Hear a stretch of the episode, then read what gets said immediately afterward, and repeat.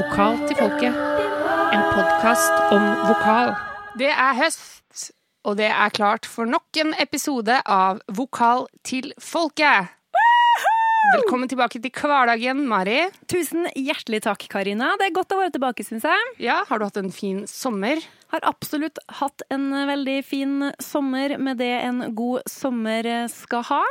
Å, såpass. Ja da. Og hva er det, syns du, hovedingrediensene? Nei, det er jo da øh, fri.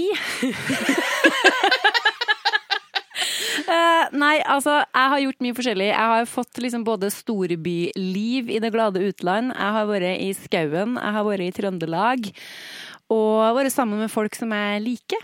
Det er viktig. Mm, Og du, da? Ja. Jeg har vært sammen med familie. Ja. Nei, nei, det gjorde jeg med vilje. Sånn en Ja, pause. Nei, det er også folk jeg liker. Jeg er liker familien min, jeg. Ja, dem de er kjempebra. helt supre.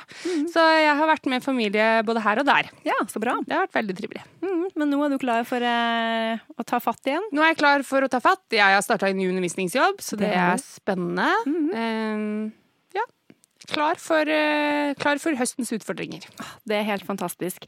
Og vet du hva jeg har begynt med? Nei. Det her er faktisk ikke Å øve? Skal vi, skal vi begynne liksom høsten med sånne depressive nyheter? Nei, men det her, det her og det her, kjære lyttere, det her vet ikke Karina om. Oi. Vet du, jeg har eh, rett og slett bestemt meg for det at eh, hver dag så skal jeg eh, lese eh, enten en artikkel eller et utdrag av en masteroppgave eller, et, eller noe som har med sang å gjøre, da. Sang og stemmebruk. Ja, for jeg tenkte sånn så at eh, jeg kommer jo aldri til å kunne liksom sette av liksom tre-fire timer bare til å sitte og, og lese noe, for det, hverdagen er for travel til det, og det er helt greit. Men i det siste da, så har jeg liksom starta dagen med å, å lese litt om ja, faglitteratur, da, rett og slett. Så bra. Ja, og så er det viktig at man ikke trenger å tenke at det skal vare så lenge. Ti minutter, liksom. Ja. Ta morgenskaffen og eh, lese et uh, avsnitt om uh, epiglottis. Det går bra. Ja, ja, ja. Mm. Epiglottis og kaffe. Ja, perfekt. For en start Mhm. på den nye hverdagen. Ja, det funker bra. Vokal til folket forklarer etter beste evne. I dag har jeg tenkt at vi skal snakke litt om oppvarming. Yeah. Ja, for der er det jo veldig mange som mener veldig mye om det. Det er jo noen som da tenker at det er unødvendig med oppvarming. Andre folk klarer seg ikke uten det i det hele tatt. Noen trenger to timer med strekking og tøying og faste øvelser. Mens andre folk tar seg en kaffe og en sigarett og synger sunt og optimalt. Så er det noen sanglærere som sier at du må varme opp, mens andre sanglærere sier at det trenger du, det er bare tøys. Og så tenker jeg at eh, det er jo òg noen sangere som, hvis det går dårlig på ei øvelse, som da veldig ofte tenker at jeg har ikke varma opp lenge nok, eller bra nok, ikke sant? Og så tenker jeg, ordet oppvarming, det har jeg litt sånn eh, problemer med, merker jeg. For det antyder jo at noe er kaldt, for det første, og at det er noe som må liksom varmes opp. Men jeg tenker at ord som igangsetting, eller eventuelt klargjøring, eller forberedelse, eh, passer best for min del, da, sånn som jeg ser på konseptet. Og ikke minst at det her både handler om eh, det fysiske og det mentale. Mhm. Så eh, jeg har tenkt at eh, jeg skal snakke litt om hvordan da jeg ser på da oppvarming, igangsetting, tjo og hei. Og da har jeg gått til Elbjørg Longvik si bok med publikum på alle kanter. Den har vi jo snakka om i podkasten før. Veldig bra bok. Og hun har en del punkter som jeg syns er veldig fine, som jeg tenkte at vi kan eh, gå gjennom her nå. Og da snakker hun først om fysisk klargjøring. At det er en eh, skånsom igangsetting av muskulaturen som er involvert i stemmedanninga. Altså når du lager lyden. Og så er det ei bevisstgjøring av dagsformen til sjølve stemmeapparatet, ikke sant? Og da er det jo enkelte øvelser som er mer aktuelle enn andre, da, etter sånn som hvordan du har det Ja. der og da. Og så handler det om å etablere en god kontakt mellom stemme og da støttemuskulaturen mellom stemme og kropp, da, kan du også si. Og så er det den mentale klargjøringa, at du skaper oppmerksomhet rundt de arbeidsoppgavene du skal utføre. En slags sånn mental nullstilling, og den følelsen av å være liksom til stede og sentrert i det du skal gjøre.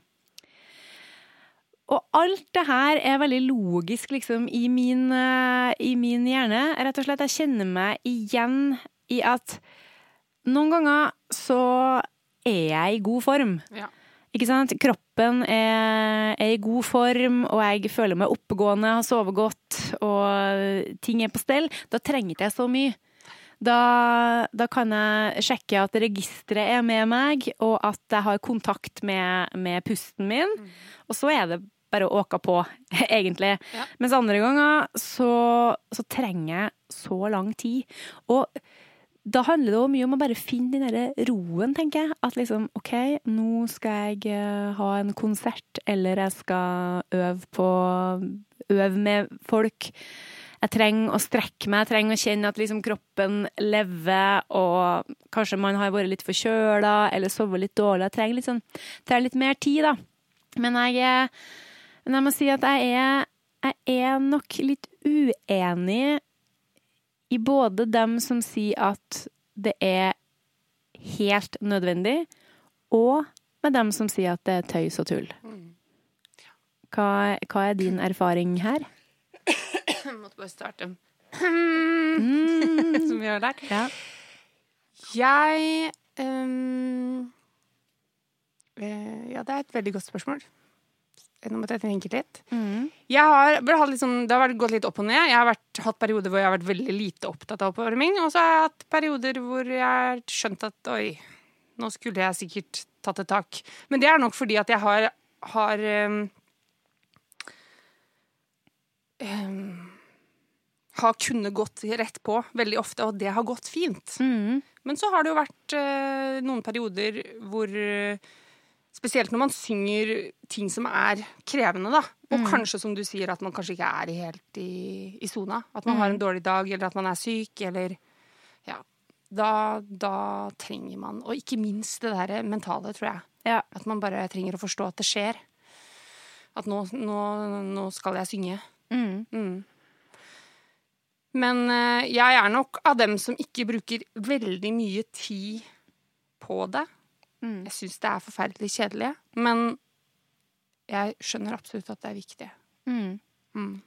Jeg syns For min del så legger jeg bruker tida på å få i gang kroppen. Ja. Det er det jeg bruker tid på. Jeg, det er tøying og, og strekking og avspenning.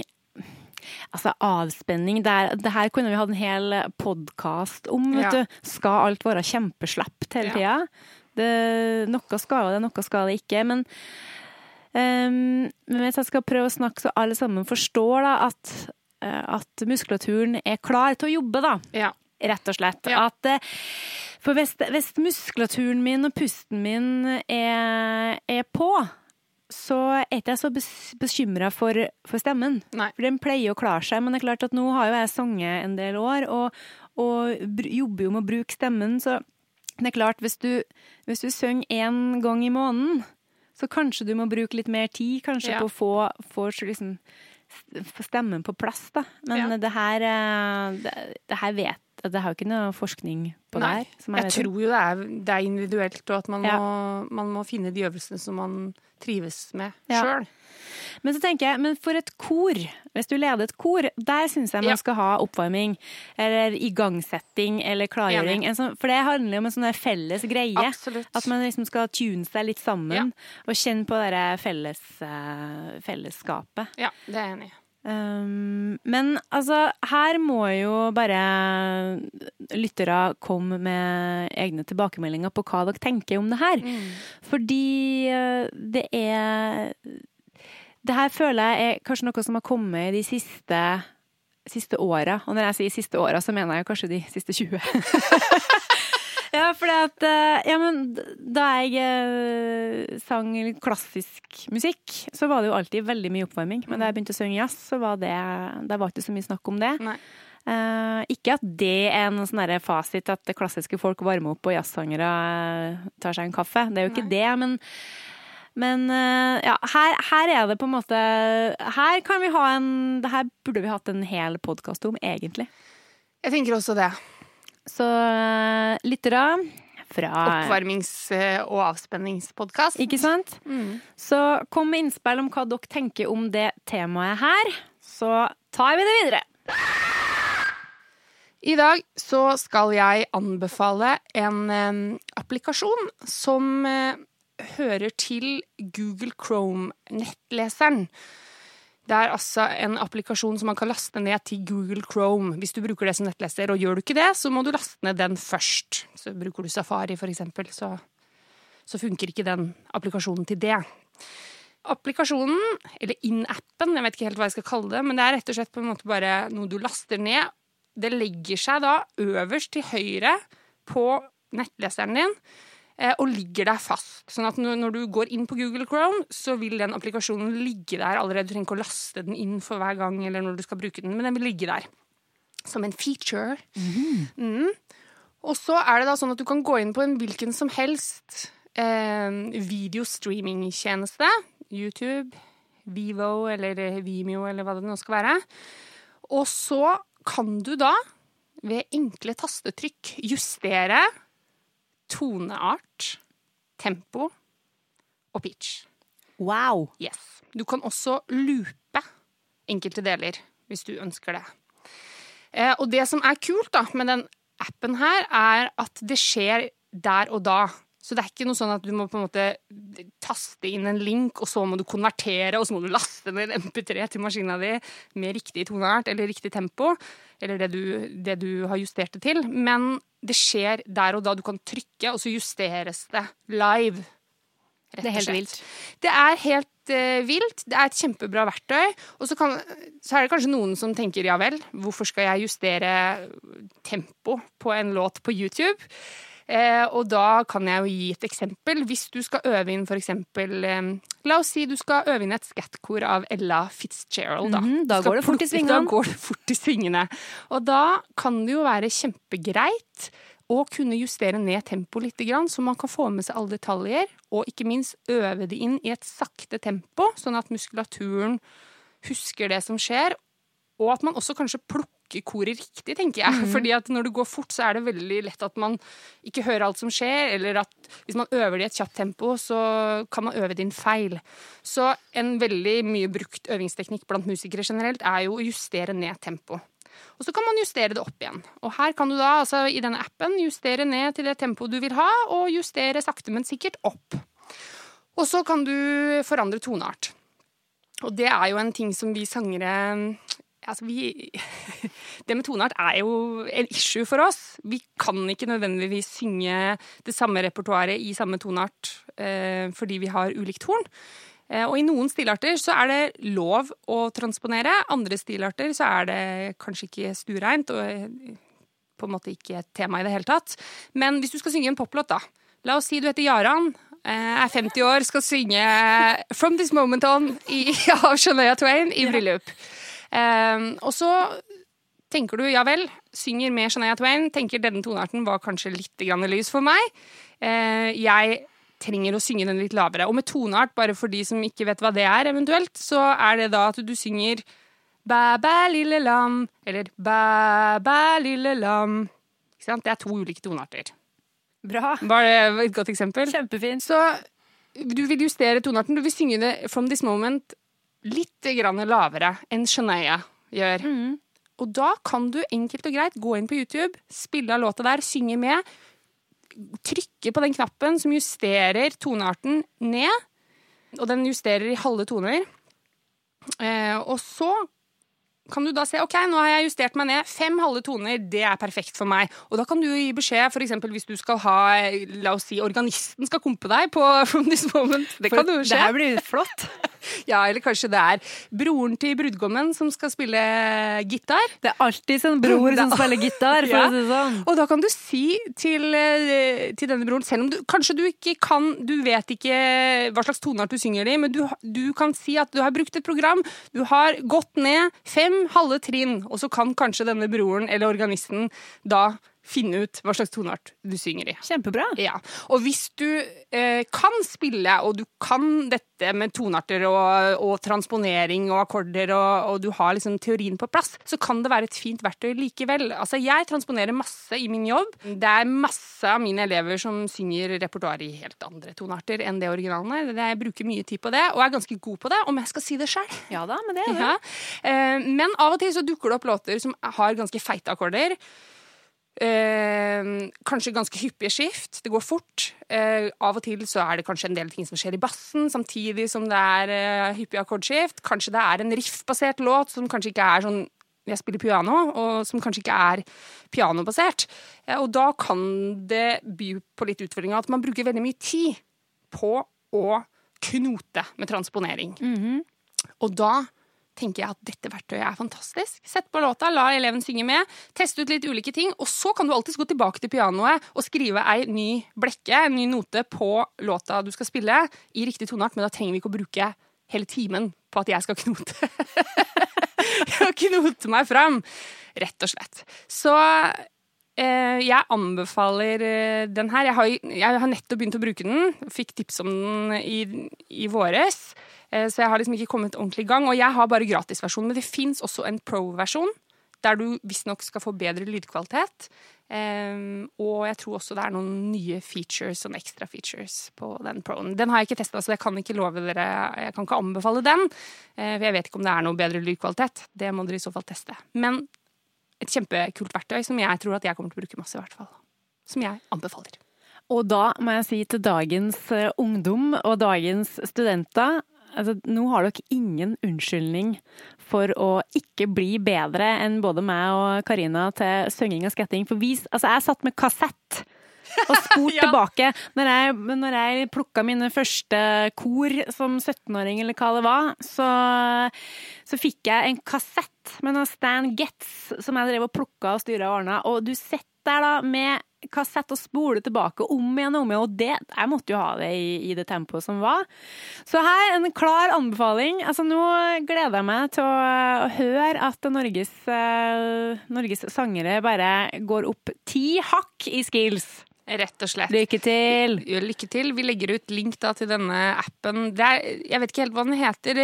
Transpose Pitch Loop, tror jeg. Altså det, er, det er liksom ikke noe navn på den, men vi legger ut link på hjemmesida vår. Tøft. Yes. Vokal til folket når du trenger litt ekstra vokal i monitor. Dagens gjest er Ole Anton Thomassen. Han er utdanna i sang og pedagogikk fra Barrat Due og Universitetet i Oslo. Og han jobba på Bårdar fra 1997 og fram til i eh, våres her, og han var leder av vokalseksjonen. Nå er han sangpedagog ved NSKI, altså Norsk Skuespillerinstitutt, på musikkteaterstudiet der. Han har jobba som utøvende sanger i Norge og utlandet, annet med kirkemusikk av Bach, Grieg, Mozart, Schubert og flere.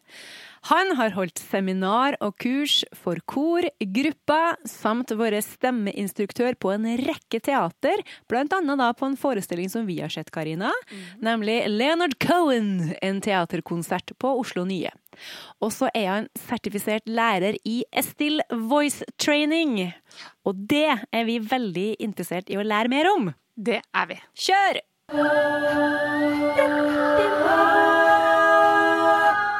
Hjertelig velkommen hit til Vokal til folket, Ole Anton Thomassen!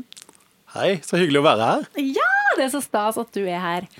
Vi gleder oss til å bli eh, opplyst i Still Voice Training, men før du skal få lov til å fortelle om det, så Mm. må vi få høre litt om hvem du er òg, sånn sanglig. Eh, Jeg har ikke hatt verdens lengste utøvende karriere, men jeg har sunget litt forskjellig. Sånn kir kirkemusikk og en del romanser, og også vært med på en musikaloppsetning. Eh, og gjort opera for barn. Det har vært veldig gøy.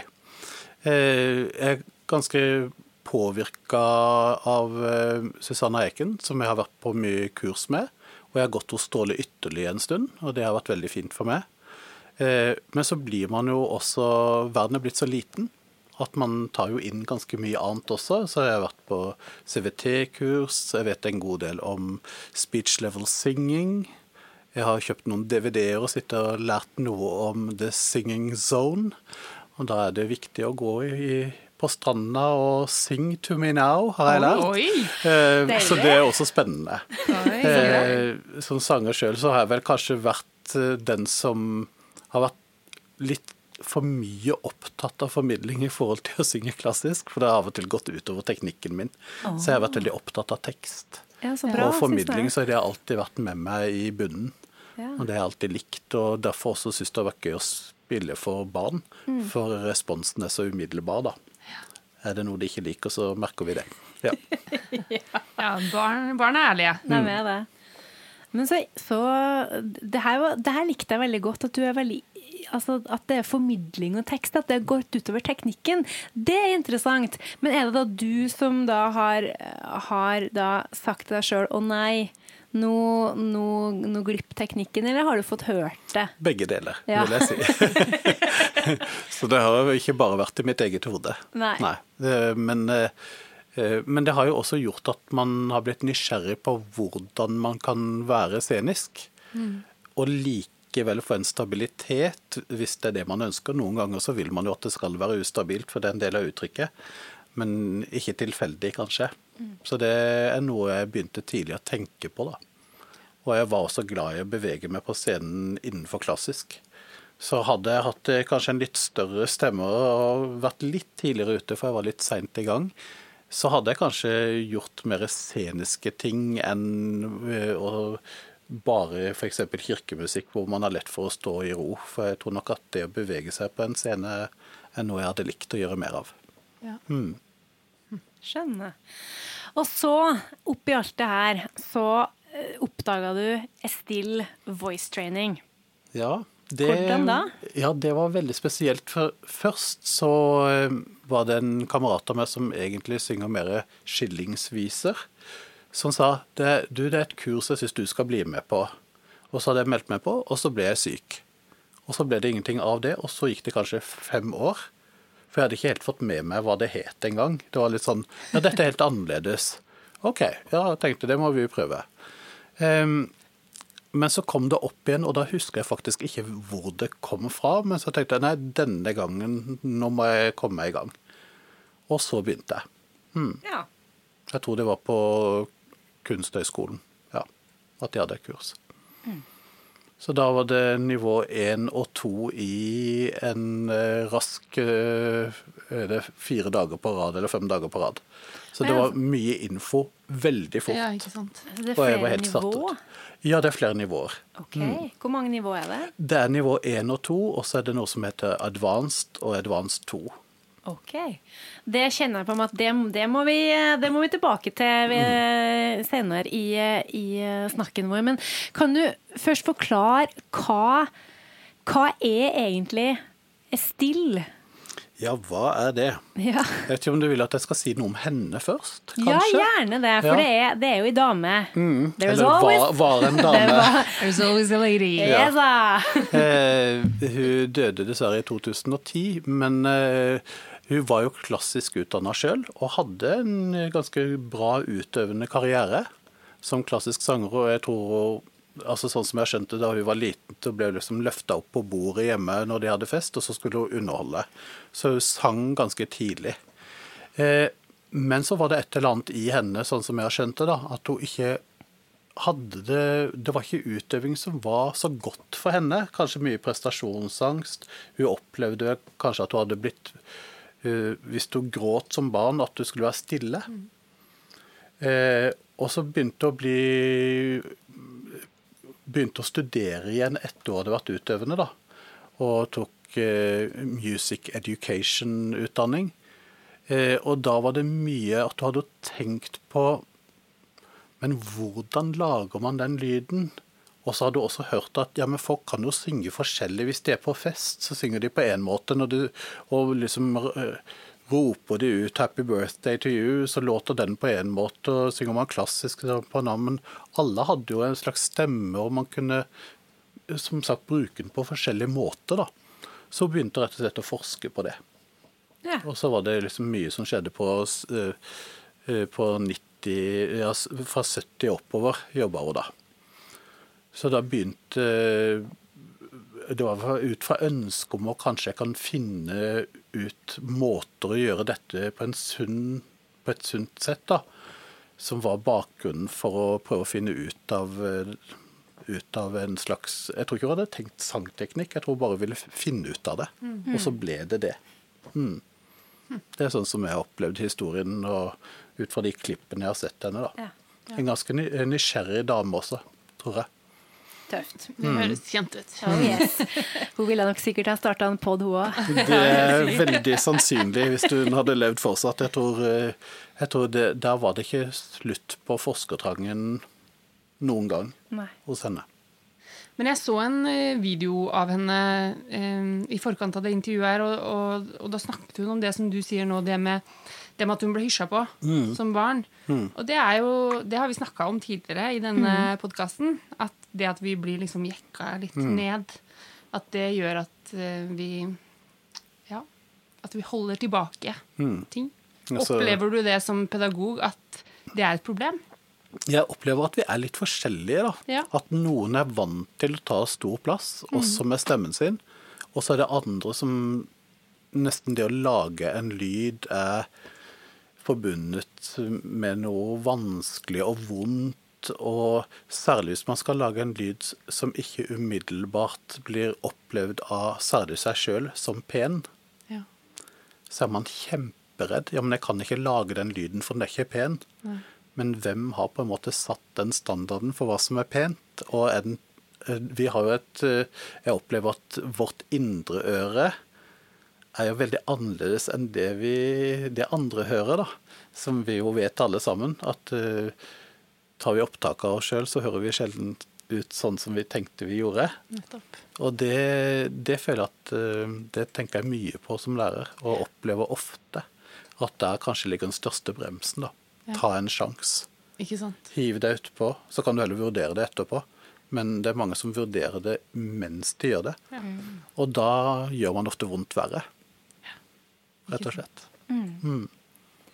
Så eh, til slutt, da, så etter at eh, Joe hadde kommet i gang med den forskningsprosessen, så så kjente hun da på behovet for å liksom kategorisere, Ja. eller? Ja. Og veldig ut fra særlig første på en måte level one eller nivå én, da, som er veldig mye bare å bli kjent med hva muskelgrupper kan gjøre. ja. Altså, Hun var veldig opptatt av Jeg liker det engelske ordet som er 'awareness'. Men altså rett og slett bli klar over hva ting kan gjøre, uten å si at noe er riktig og feil. For det kan man jo Hun var veldig sånn at man kunne vurdere sjøl Ja, dette kan jeg gjøre, men syns det det er hensiktsmessig? For det er jo noe, masse man kan gjøre, men syns man det er lurt? Er det det som er mest effektivt? Eh, Ikke sant? Men også var selvfølgelig alltid med en sånn helse, altså helse, stemmehelseutgangspunkt. eh, det hadde hun alltid. At eh, de lydene skulle lages på en måte som var sunne, da. Så da begynte hun å utvikle systemet sitt sakte, men sikkert. Og jobber hun da eh, på hele kroppen? Ja, der er det jo mye som Det kan si litt, da, som er litt spesielt. Det at det er én ting i Joe Estill som er veldig omdiskutert, og det er pust og støtte. Ja, det har jeg nemlig lest noe om. Mm. Men jeg tenkte vi kan komme tilbake til Å, det. Men jeg kan si, jeg kan si litt eh, hva hun går igjennom i nivå Ja. 1, egentlig. Ja. Det, det hun snakker litt eh, om eh, Hun har et sånn oversiktsbegrep, eller hva skal jeg kalle det, som heter performance magic. som hun mener består av craft og artistry. Og craft er jo håndverk eller teknikk, da.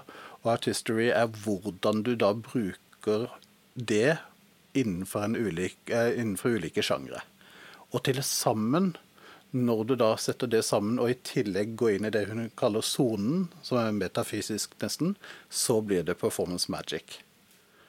Så det er hennes sånn overgreie der. Og så var hun veldig opptatt av at alle har en vakker stemme. Og det er jo ikke sikkert alle andre har tenkt. Nei, det tror jeg egentlig ikke du. Nei, og hun, hun var også veldig opptatt av at det var ingen lyder som var bedre eller dårligere enn andre. De var bare forskjellige. Og det er jo en ganske, ganske bøs påstand, vil jeg jo si. Særlig på 70-tallet. Ja, ja, ja. Innen en klassisk teknikk så var det kanskje å si noe som ingen, eller som mange ikke ville høre, ja, ja. rett og slett. Så, så det er liksom ikke noe sånn eh, Man verdsetter ikke liksom jazz opp mot klassisk, f.eks. Eller en opp mot en «ha». Det, det er liksom Det er bare forskjellige måter å bruke stemme på. Og alt er like verdifullt. Og det liker jeg nok veldig godt Ja. sjøl. Enig. på. Men iallfall i første nivå der, da, og så bruker hun eh, et begrep som jeg har stjålet, og som jeg bruker mye. Det er noe som heter effort, eller effort level. Og Da kan man lage sin egen skala fra 1 til 10, bruker jeg da. Men det er hvor mye du gjør en ting. At du hele tida skal holde på å måle deg sjøl. Så hvis du f.eks. Hva skal jeg si, er veldig altså, eh, stram i kroppen og jobber hardt, så skal du kjenne OK, på en skala fra 1 til 10, jobber jeg på 10 nå? Trenger jeg å jobbe på 10? Eller for eksempel, vi er jo, som Susanne Ekum ville sagt, så er vi jo to sånne kroppstyper. Den stramme og den bløte, tror jeg hun bruker. Hvis du er den bløte, da, ja, nå er jeg på, nå er jeg på to på skalaen, ja, kanskje du må være på åtte. Og gå den andre veien. Og det kan man liksom bruke om alt. Man kan bruke det på en måte i lukkefunksjon i stemmebånda. Man kan bruke det i kropp. Man kan bruke det liksom i åpning eller bredde i halsen. Så man kan egentlig måle alt. Og det kan også være ulike tall. Og så være opptatt da om den energien forplanta seg. Fordi at Hvis man f.eks. holder eh, pekefinger og tommel sammen og kniper mye, da tenker man OK, der har jeg den på maks. Men kjenner man da om den energien sprer seg noen andre steder? Ikke sant? Ikke sant? For det gjør den jo. Ja. Og kan man da enten prøve å beholde energien og begynne å gjøre bevegelser, og da blir det mindre spre spredning av uh, altså spenning som man ikke vil ha, eh, eller går spenningen faktisk ned? Og så er det jo da alltid en vurdering.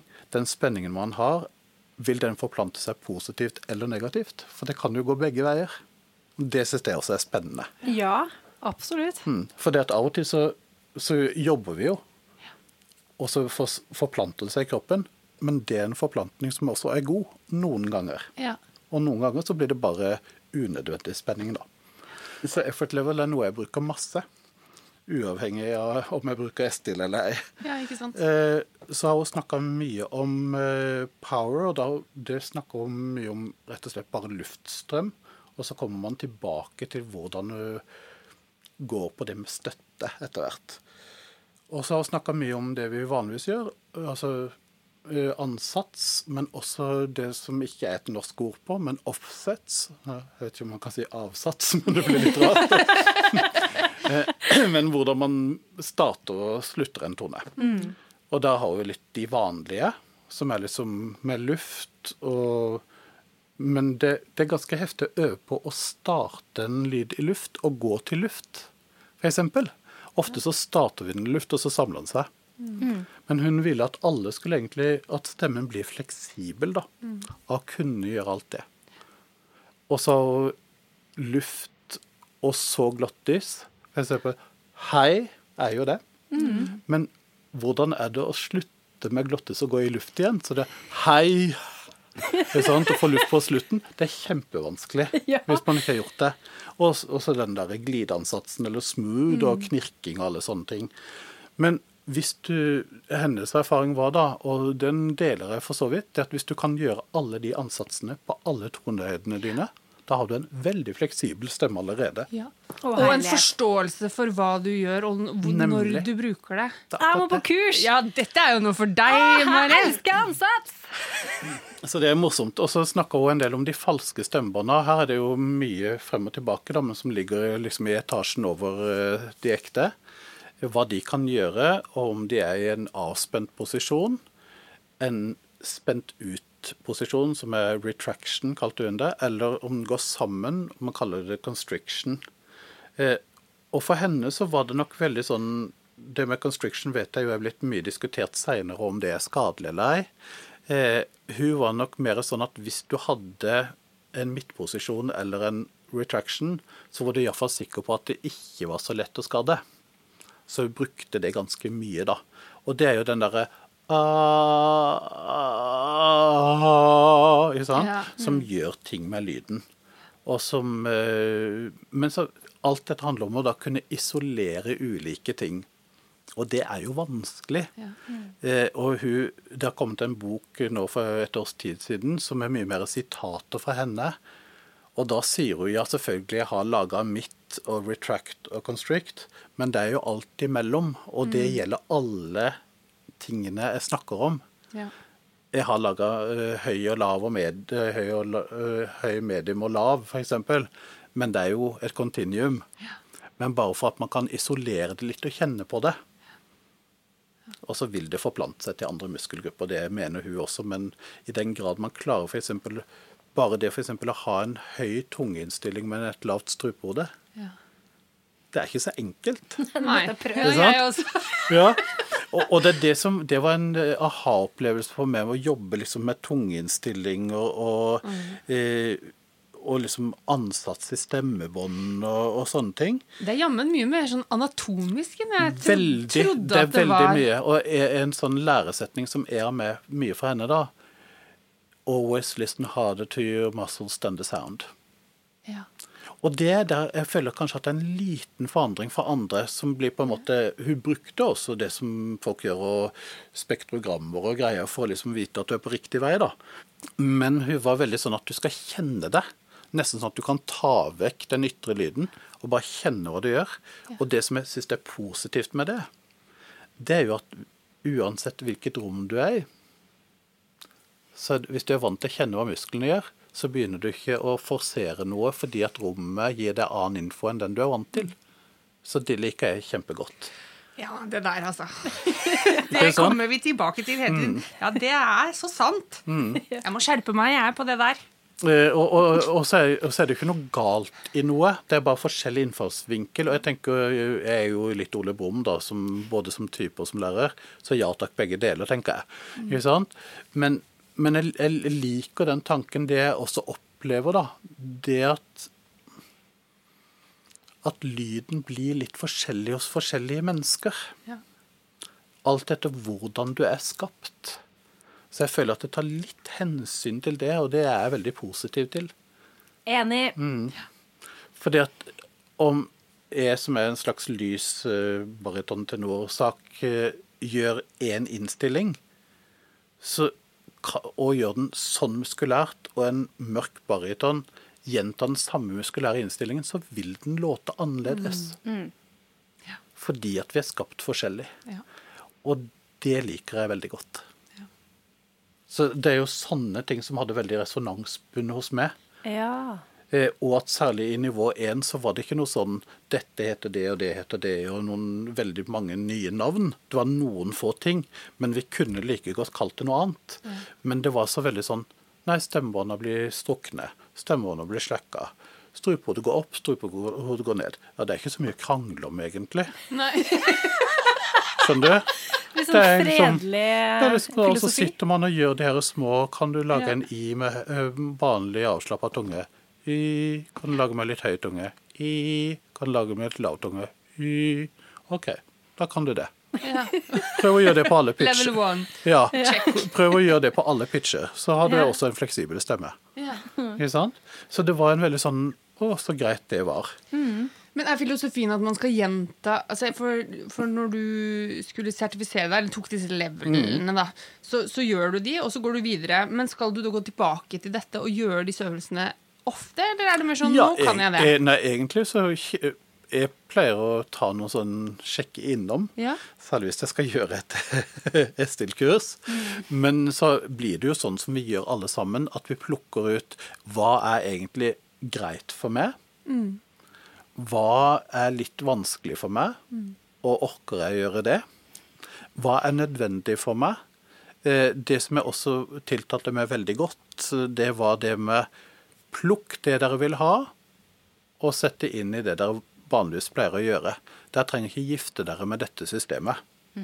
Og det var veldig behagelig for meg, for da kunne eksempel, Da hadde jeg gått litt hos Ståle, og jeg hadde jobba litt med bredde i ansiktet. Og så snakka de liksom Ja, hva blir forskjellen når du slipper og når du gjør bredde? Og så ble jeg sånn istedenfor at jeg hadde gjort noe, så, så fortsatte jeg å gjøre det samme. Men jeg visste også hvorfor jeg gjorde det. Og, og så er det litt sånn Nå er det jo blitt veldig inn at vi alle skal kunne alt alltid. Men på et eller annet tidspunkt så tenker jeg vi må også kjenne Trenger vi alt alltid? Ja. Og trenger alle alt? Ja. For jeg, jeg husker en student som gikk på Bårdar, og det var en veldig sånn vekker for meg. For da hun var ferdig med tredje år, hun var ikke min elev da, men vi hadde snakka mye sammen, så sa hun ja, jeg syns det er så slitsomt dette med belting. Jeg får det ikke til. Så sa jeg, men hva har du tenkt at du kommer til å synge mest? Nei, hun tenkte jo at hun kom til å synge en del, uh, en del sånn sopranbasert uh, klassisk uh, musikal. Og litt sånne enkle viseting. Ja. Så sa jeg, trenger du belting så mye? Eh, Skal du liksom bruke flere år av livet ditt for å få til det når du syns det er så vanskelig, når du synger så utrolig bra som du gjør?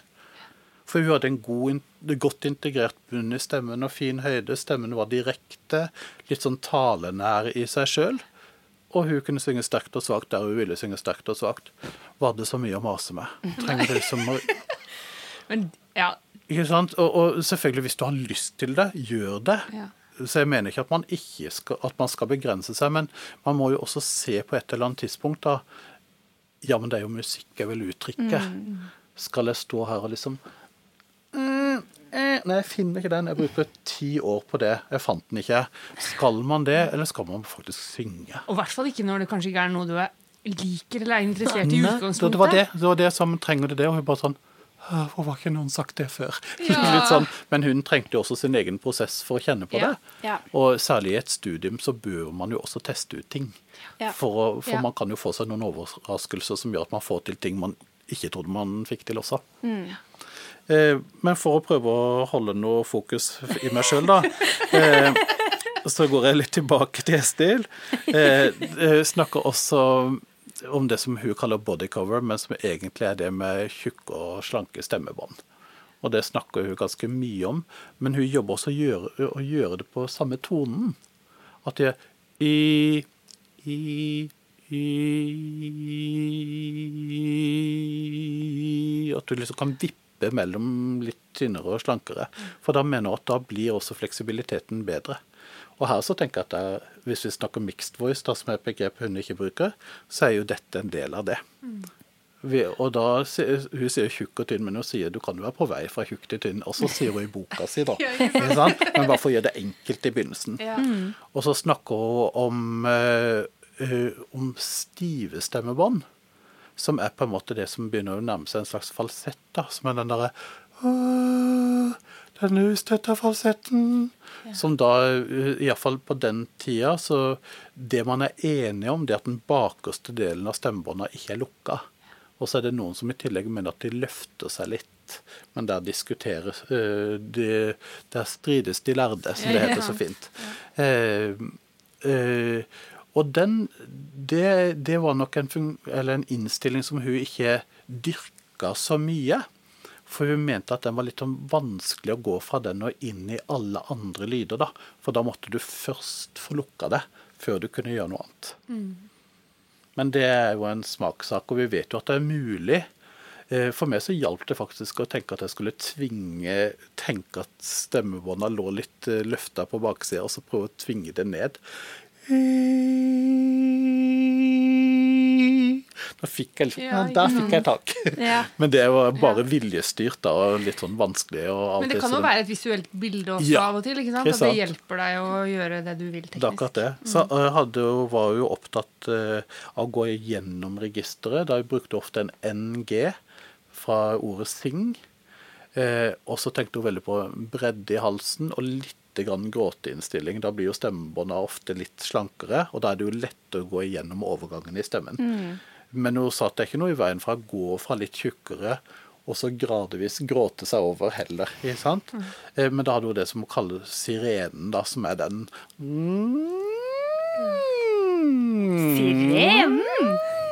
Mm, Som er jo bare som vi alle kanskje har hørt, ikke sant? Eller hundeklynk, eller hva når vi kaller det. Men hun hadde en morsom greie. Den, den har jeg ikke brukt mye, men den er veldig gøy å bruke. Hun brukte sirenen som utgangspunkt for det hun kalte for myroning. For å isolere eh, stemmeinnstilling og diksjon.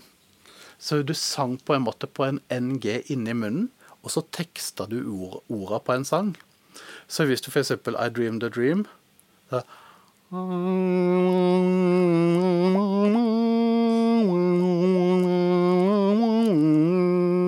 da er altså da, er, da tekster munnen min, Ja.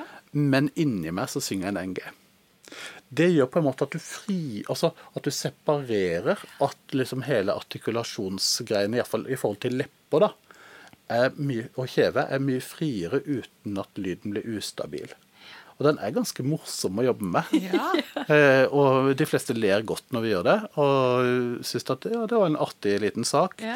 Og da, det som er fint når man klarer å isolere sånn, det er at også man husker teksten. For man har jo også teksta så veldig tydelig uten å få lov til å gjøre alle forandringer samtidig. Så den er litt sånn gøyal, syns jeg. Artig. Den har jeg aldri hørt før. Nei, Nei, den er litt ny. Ja. Eh, Så er det jo det med skjoldbrusk og ringebrusk som er kanskje en av de store diskusjonene. Eh, og særlig nå når de har begynt å gjøre forsøk på lik og ser at eh, leddet som vipper skjoldbrusken, ikke fins hos alle. Det er det nyeste som jeg har hørt nå. Oi. Så det gleder jeg meg til. Det hørte jeg litt i Barcelona i fjor høst. Det betyr at den, for det man har tenkt til nå, det er at når man får en gråtefølelse, så vil skjoldbrusken vippe litt fremover, og da blir det lettere å få strukne stemmebånd, som gjør at man får litt lettere tilgang til høyden.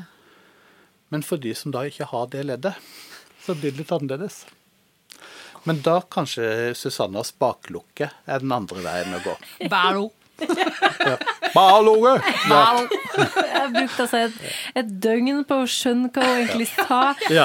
Og når jeg, og når jeg skjønte Å ja, baklukke, ja. Ja, ja, ja. Men da er vi nok enige om det. Men jeg hadde hørt om det før, så jeg skjønte det fort. Ja, ja, det er noe med det. Eh, Men det er jo interessant, bare sånne ting. Men eh, veldig mange vil oppleve at det hjelper å tenke gråt for å komme og slippe igjen. Ikke sant? Ja. Men så kommer den mest omdiskuterte greia, og det er, eh, det er ringbrusken. At man mente at hvis avstanden mellom ringbrusken og skjoldbrusken blir større, så er det lettere for å opprettholde tjukk stemmebåndsmasse. Og det mener nå en del forskere at de ikke kan se på øh, røntgen og alt mulig, og at dette holder de nå på å diskutere. Men så det, det, for å finne det, så var det rett og slett å prøve å holde tunga høy, og så tenke overraskelse, for da kjenner man at ringbrusken går ned. Ja. Og da, ei, da er det lettere å holde den. Men det er det mange som syns var vanskelig. Men en annen måte å få den avstanden på, det er jo rett og slett å vippe hodet litt bakover. Og da begynner vi å ha sett Broadway-beltere som gjør det. Skjønner du hva jeg mener? Så, sant? Det har vi jo sett. Ut med arma, og liksom en liten eh, se til første balkong. Og da blir jo på en måte avstanden større. Og da er det mange som opplever at de er liksom, når de gjør det, så er det plutselig lettere å belte. Ja. Det her Oi, oi, oi!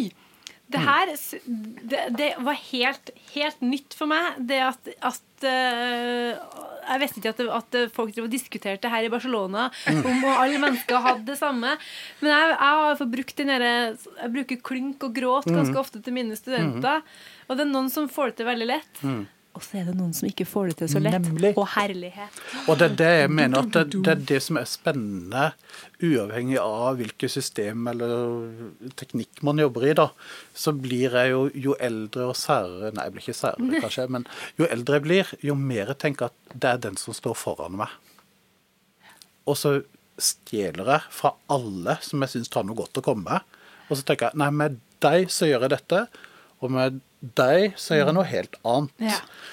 Uh, og min erfaring er jo at det er en sånn balansegang på å la studenten styre helt sjøl, eller eleven. Hva trenger du, hva skal vi gjøre? For det er ikke alltid den vet, eller skjønner, eller kjenner det. Så noen ganger så må man si vet du hva, vi leker oss litt. Og så kan man jo heller begynne Hva likte du av det?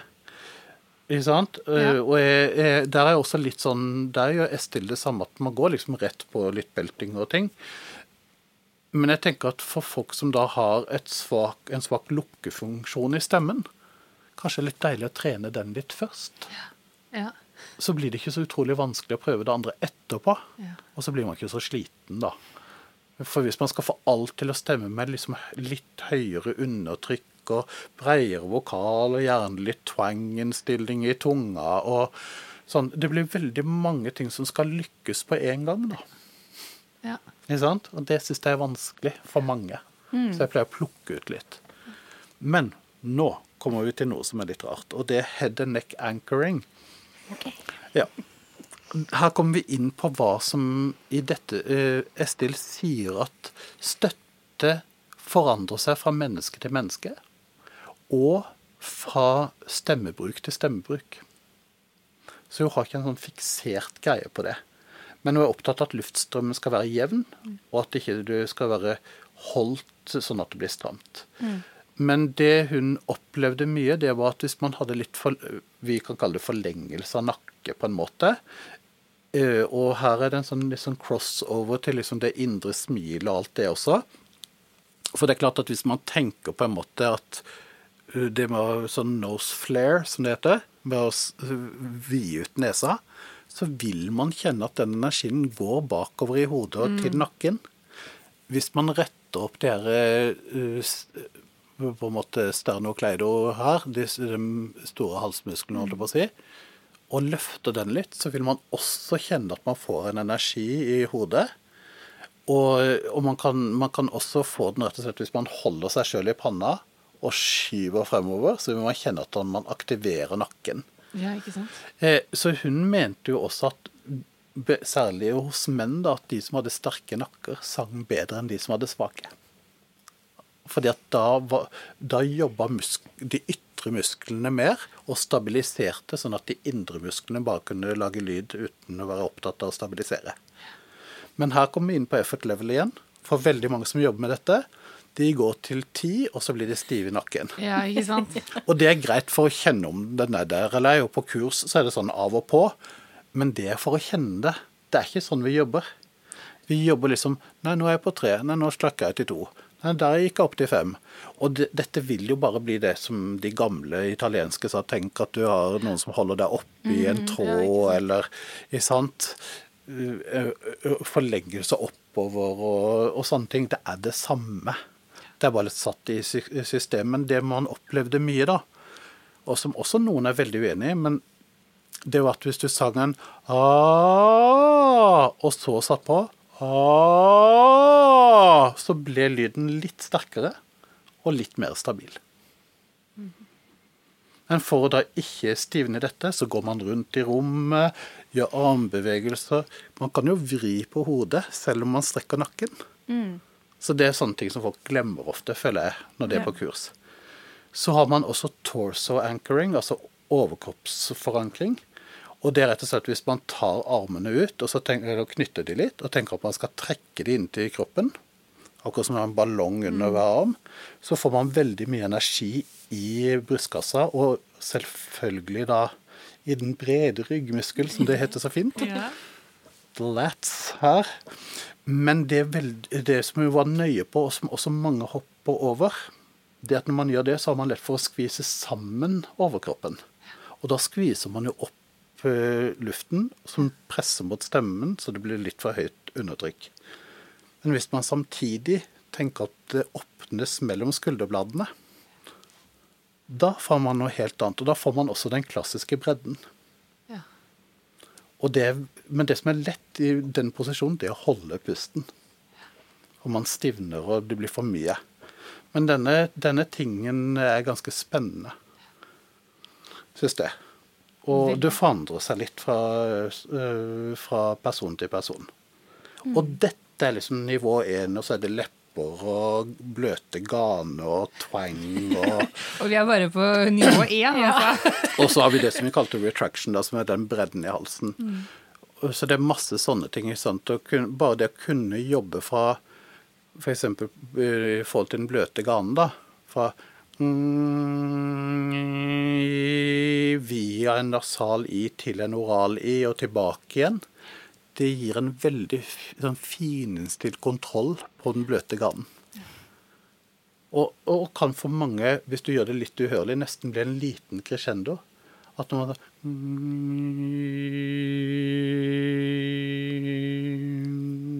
sånn? Det blir en sånn subtil liten greie hvis vi snakker om kanskje andre former som ikke er sa ut, ikke sant?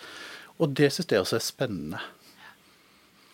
Eh, I nivå to så er det egentlig en kombinasjon inn i det hun kaller eh, eh, Altså, det første er det som figures, som, eh, som nivået er. Og så kommer liksom funksjonene hennes, som er sammensatt Her er det høy tunge, det er brei hals, det er eh, smilemunn hvis det er det. Det er ikke så mange det er det på. Det er mye forankring eller ingen forankring. Her er det twang, her er det ikke. Masse sånne ting. Og da har hun laga eh, den ene som er liksom vanlig, det hun har kalt det for speech, og som er egentlig bare vanlig snakking, hvor alt er på en måte litt i midtposisjon. Altså det er ikke noe spesielt med den bløte ganen, det er ikke noe eh, spesielt med strupen, nei, midten. Alt er i midten. Eh, Den har en ganske tydelig begrensning da på omfang. Sant? Så den stopper jo ganske logisk nesten rundt enstreken GA hos jenter, vil jeg si. Eh, og da, men der går hun motsatt vei ofte for å prøve å beholde litt av feelingen. At hun går ned i volum. Så eh, ah, At hun liksom demper volumet for å prøve å beholde litt av den samme midtinnstillingen. Eh, og så er det selvfølgelig når man har lært de grunninnstillingene, så er det ikke noe problem å legge f.eks. på litt gråt på den, så går den over til noe annet. Eller legge på en twang, og så blir det noe annet. Men det blir liksom advanced. advanced. Mm. Så har hun laga en falsett da, som er den Liksom den. Og, så, og hun, hun mener jo også egentlig at de fleste av funksjonene kan gå gjennom mye av registeret. Jeg, har, jeg syns det er vanskelig å tenke at en speech går gjennom mye av registeret. Det er- Der sliter jeg litt, men den har jeg ikke øvd mye på. Men på falsetten så kan man jo det. Det er jo liksom bare å skli og holde det løst og luftig. Og da er liksom det eneste som er forskjellen egentlig på den og speech, det er jo lukkinga og kanskje stemme, om stemmebåndet har løfta seg litt på baksida, hvis, hvis det er det de har, da. Og så kommer det en, eh, en morsom eh, funksjon, hvis man kan kalle det det, okay. som man kaller for sob. Det er liksom litt den derre Å, det er så trist alt sammen. Ja. Det er mye triste greier. Det er mye grining og Ikke sant? Ja.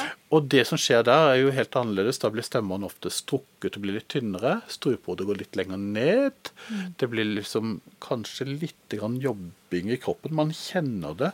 Oh, og veldig, Dette er jo en slags klassisk del. Som vi har jo hørt den derre Den har vi jo hørt, liksom. Eh, men den er veldig fin, f.eks. Jeg bruker den av og til på sånne naturbelter som har litt for høyt trykk. For å senke strupehodet litt igjen, fra det kanskje har vært litt vel høyt. Ja. Og liksom tøyd litt på ting, og sunget litt tynnere. Så det er supert for dem å gjøre både nesten litt før og etter de skal belte, for å ikke stivne. Ja. Ikke sant? Så har vi eh, så har hun laga en funksjon som heter twang, og det er jo rart. Men eh, eh, den twangen, kort fortalt, har slanke stemmebånd. Den har bredde i halsen, eller retraction, og den har twang tunge. Og ellers så er den ganske Kanskje litt grann gråt på, som blir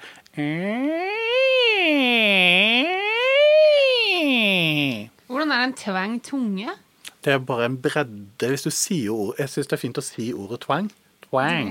Ja, okay. Da ligger tunga litt sånn ute mot sidetenna i overmunnen. Så holder den seg oppe. Eh, og, og da blir det også lettere å holde en bredere hals. For ofte i twang så kan man også begynne å lukke halsen for å finne den skarpheten eller den diskanten, da, for å snakke et eh, ikke pent stygt eh, eh, Veldig bra. Ikke sant? Eh, Og den har hun laga i da to forskjellige varianter. Så har hun laga den nasalized twang, som er Men så har hun også laga oral twang, altså oraltvang. Da beholder man tungehøyden, men man løfter den bløte ganen. Så forskjellen vil være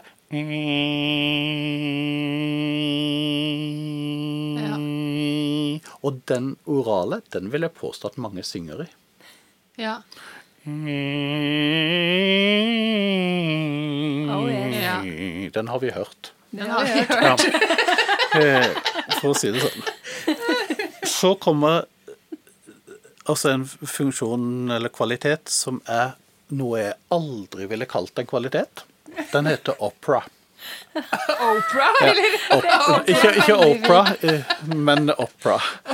Eh, og det men når jeg ble forklart hvorfor den ble- kalt det, så skjønte jeg liksom litt mer. Det var for at hvis du gjorde bestanddelene i den, så ville en ikke-klassisk sanger kunne passere som klassisk. Ja, ikke sant. Ja. Men hun sier jo at man bruker jo alt. Speech og, og i klassisk, selvfølgelig. Ja. Den er ganske komplisert, så jeg skal ikke si så mye om det. Men den, og den har mista den Den er liksom en sånn sjutrinnsrakett, liksom.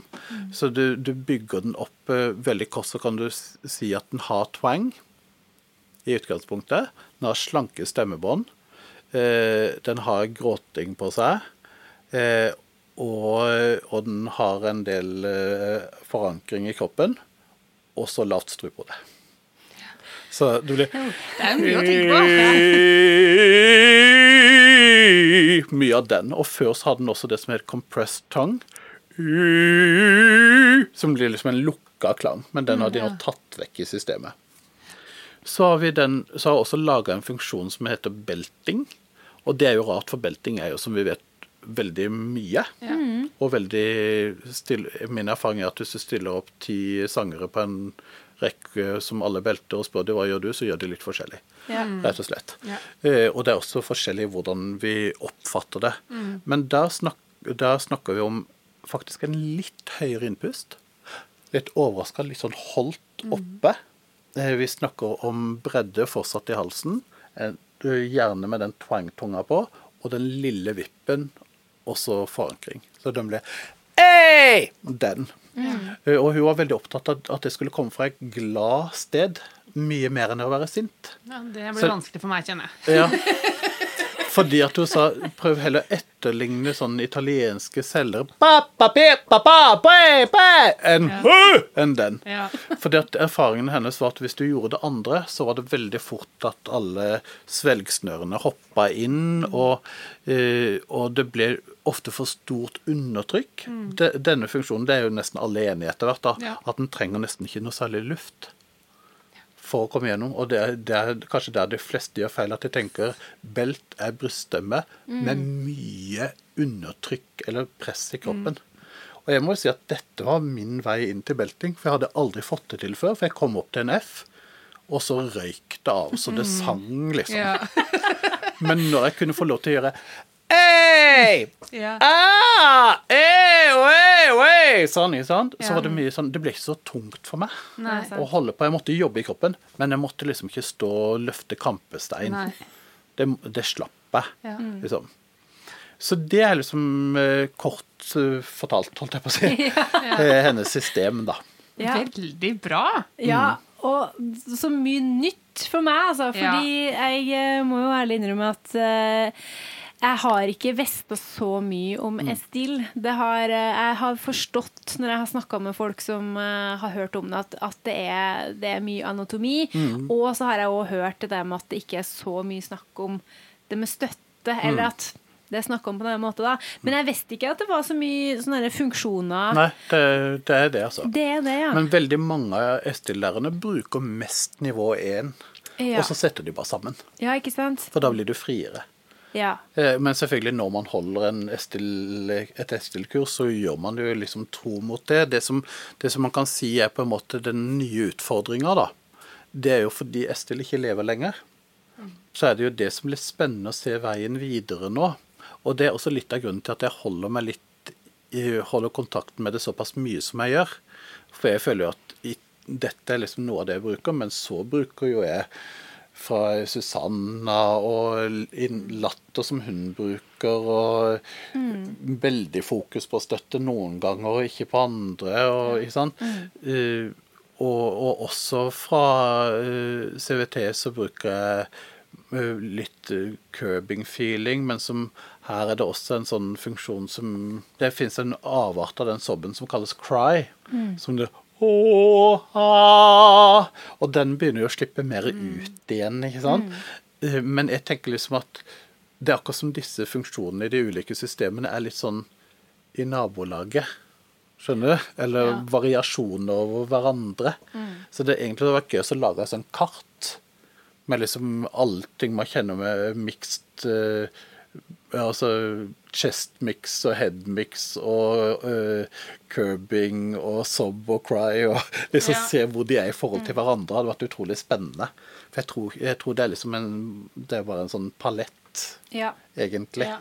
Men jeg har også lært mye, mye av det der med å med bitet, f.eks., som, eh, som CVT bruker, men som egentlig før det hadde fra Susanna. ja. Ja. Og så har jeg vært masse hos Soren Brown. Jeg har hatt nesten 50 sangtimer med han.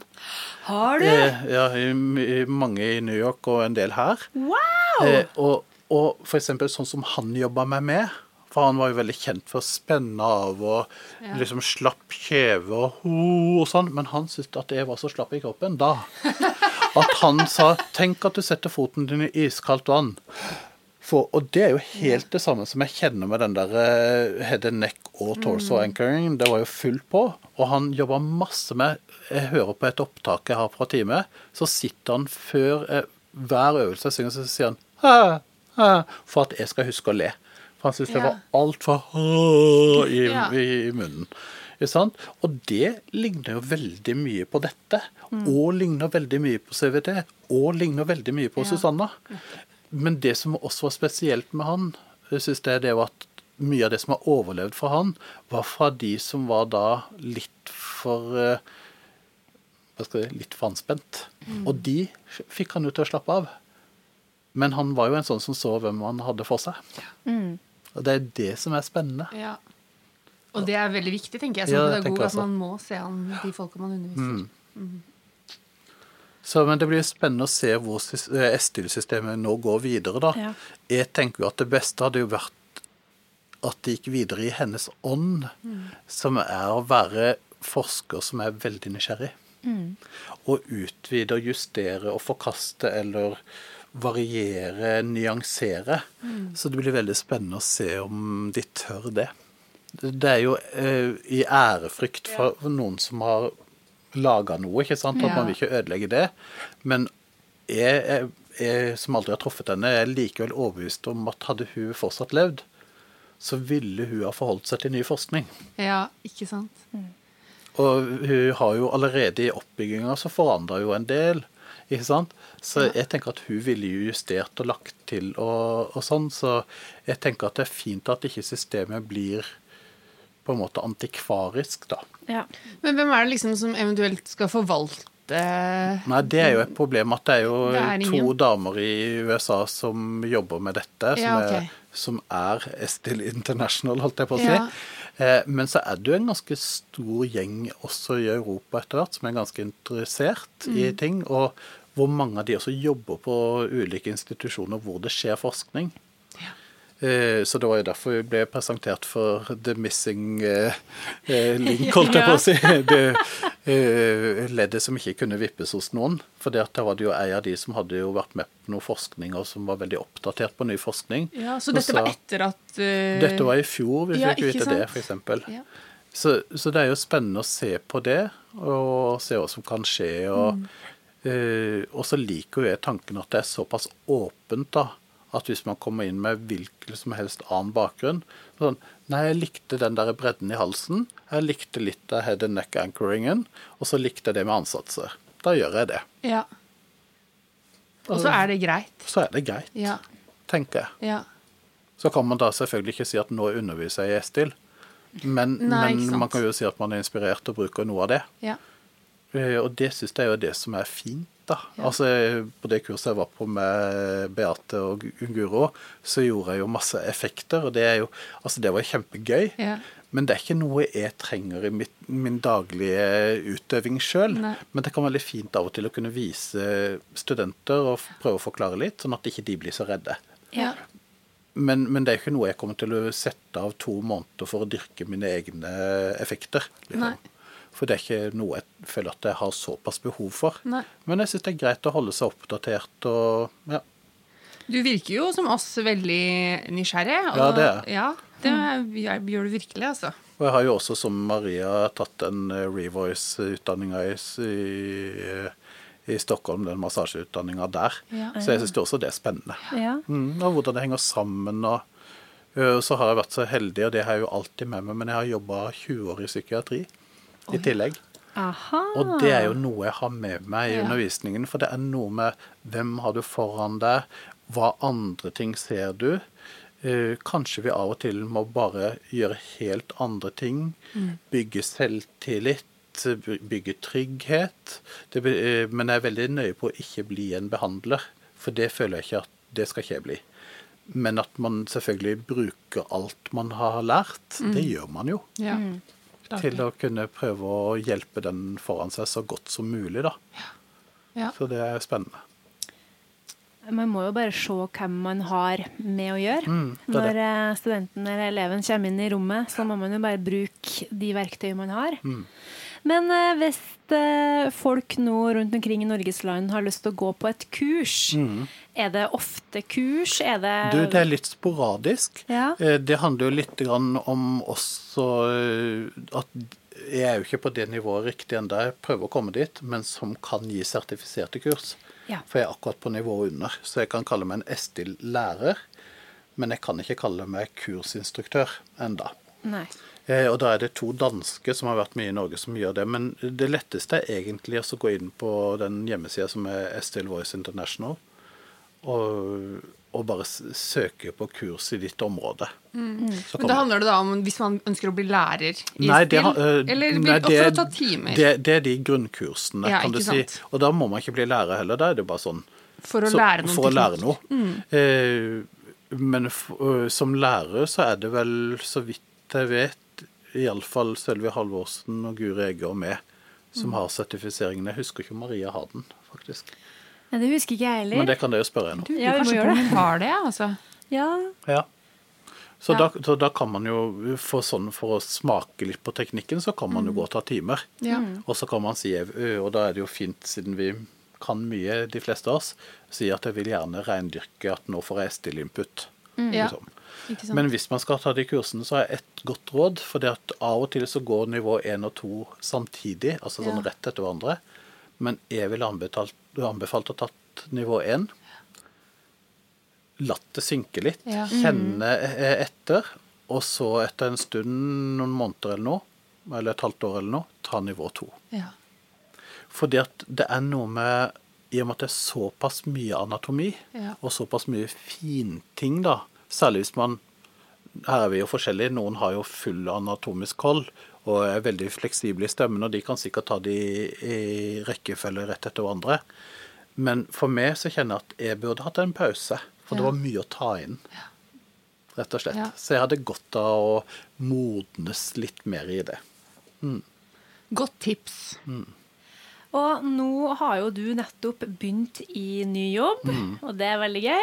Har du noen noe, liksom, vokale planer for, eh, for høsten? Hva tenker du da? Skal du på noen nye gøye kurs? Ja, da skal, skal jeg først ha- på det um, World Symposium da i London Mhm. med, med Still.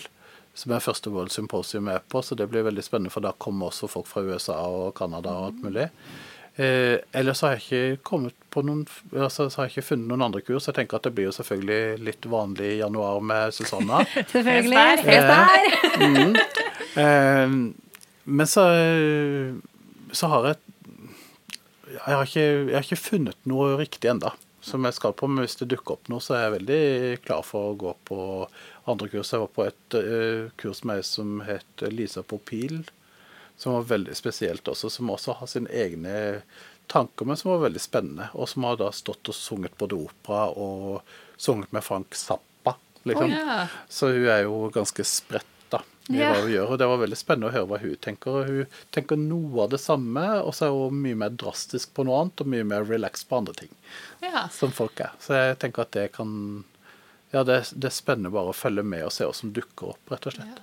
Ja, du slår meg som en veldig nysgjerrig og åpen eh, person. Jeg håper det. Ja. Ja, virkelig, altså. Og det, det syns jeg er artig. Fordi jeg håper at jeg òg fortsetter å være nysgjerrig, og at jeg er en sånn person som, som følger med. For jeg tror, jeg tror vi gjør oss sjøl en bjørnetjeneste hvis vi bare liksom fokuserer på én ting. Tror ikke man blir verken gode pedagoger eller utøvere av det. Nei, det, det eneste er på en måte at av og til så kan det også bli så stort press på hvor mye vi skal spre oss på. Eh, så jeg tenker at uh, selvfølgelig jeg tenker at det alltid er lurt å få møtt seg sjøl i døra litt, grann, og enten revurdert, lært nye ting, justert, eller faktisk bare sånn Nei, det holder på med er ganske greit. Den bekreftelsen trenger vi også inniblant. Eh, men jeg tenker at så lenge vi iallfall er nøye på å se hvor begrensningen er, og da sende folk videre, Ja. så er det også lov, syns jeg. Ikke alle lærere, f.eks. noen som har en klassisk bakgrunn og vet at det er det de skal gjøre mest, og føler at de har en slags rimelig sunn grunnteknikk, holder seg litt oppdatert. Men da, hvis man da får en rockesanger, så faker man ikke det. Da sier man 'jeg kan lære deg det og det', men akkurat dette kan jeg nok ikke lære. Jeg kan prøve å hjelpe dem med å ta kontakt med folk jeg kjenner, og finne en som er bra på det. For jeg er jo også sånn innen klassisk, så har jeg også min begrensning. Fordi at jeg har sunget den klassiske musikken jeg har. Så hvis jeg hadde fått en sånn Wagner-sopran inn døra, så hadde jeg sagt jeg kan hjelpe deg med dette og dette, men jeg tror du er en Wagner-sopran. Du trenger sikkert å gå til noen som vet litt mer om det enn jeg gjør. Og det tenker jeg også innenfor det rytmiske, som det heter da. I motsetning til klassisk, som er urytmisk, har jeg tenkt. um, så, så tenker jeg liksom at så lenge man er ærlig, Ja. ja. så er det veldig mange måter man kan jobbe på. Men, men for meg, kan jeg bare si da, så er det en Det gjør at jobben min ikke føles kjedelig, for det er alltid noe nytt jeg kan oppdage. Så det er min greie. Ja, det syns jeg høres ut som en god greie å fortsette med. Tusen, tusen takk for at du ville komme og være gjest hos oss. Veldig hyggelig å være her. Nå har vi lært mye. ja, dette var kjempelærerikt. Veldig gøy, altså. Tusen takk, Ola Anton Thomassen.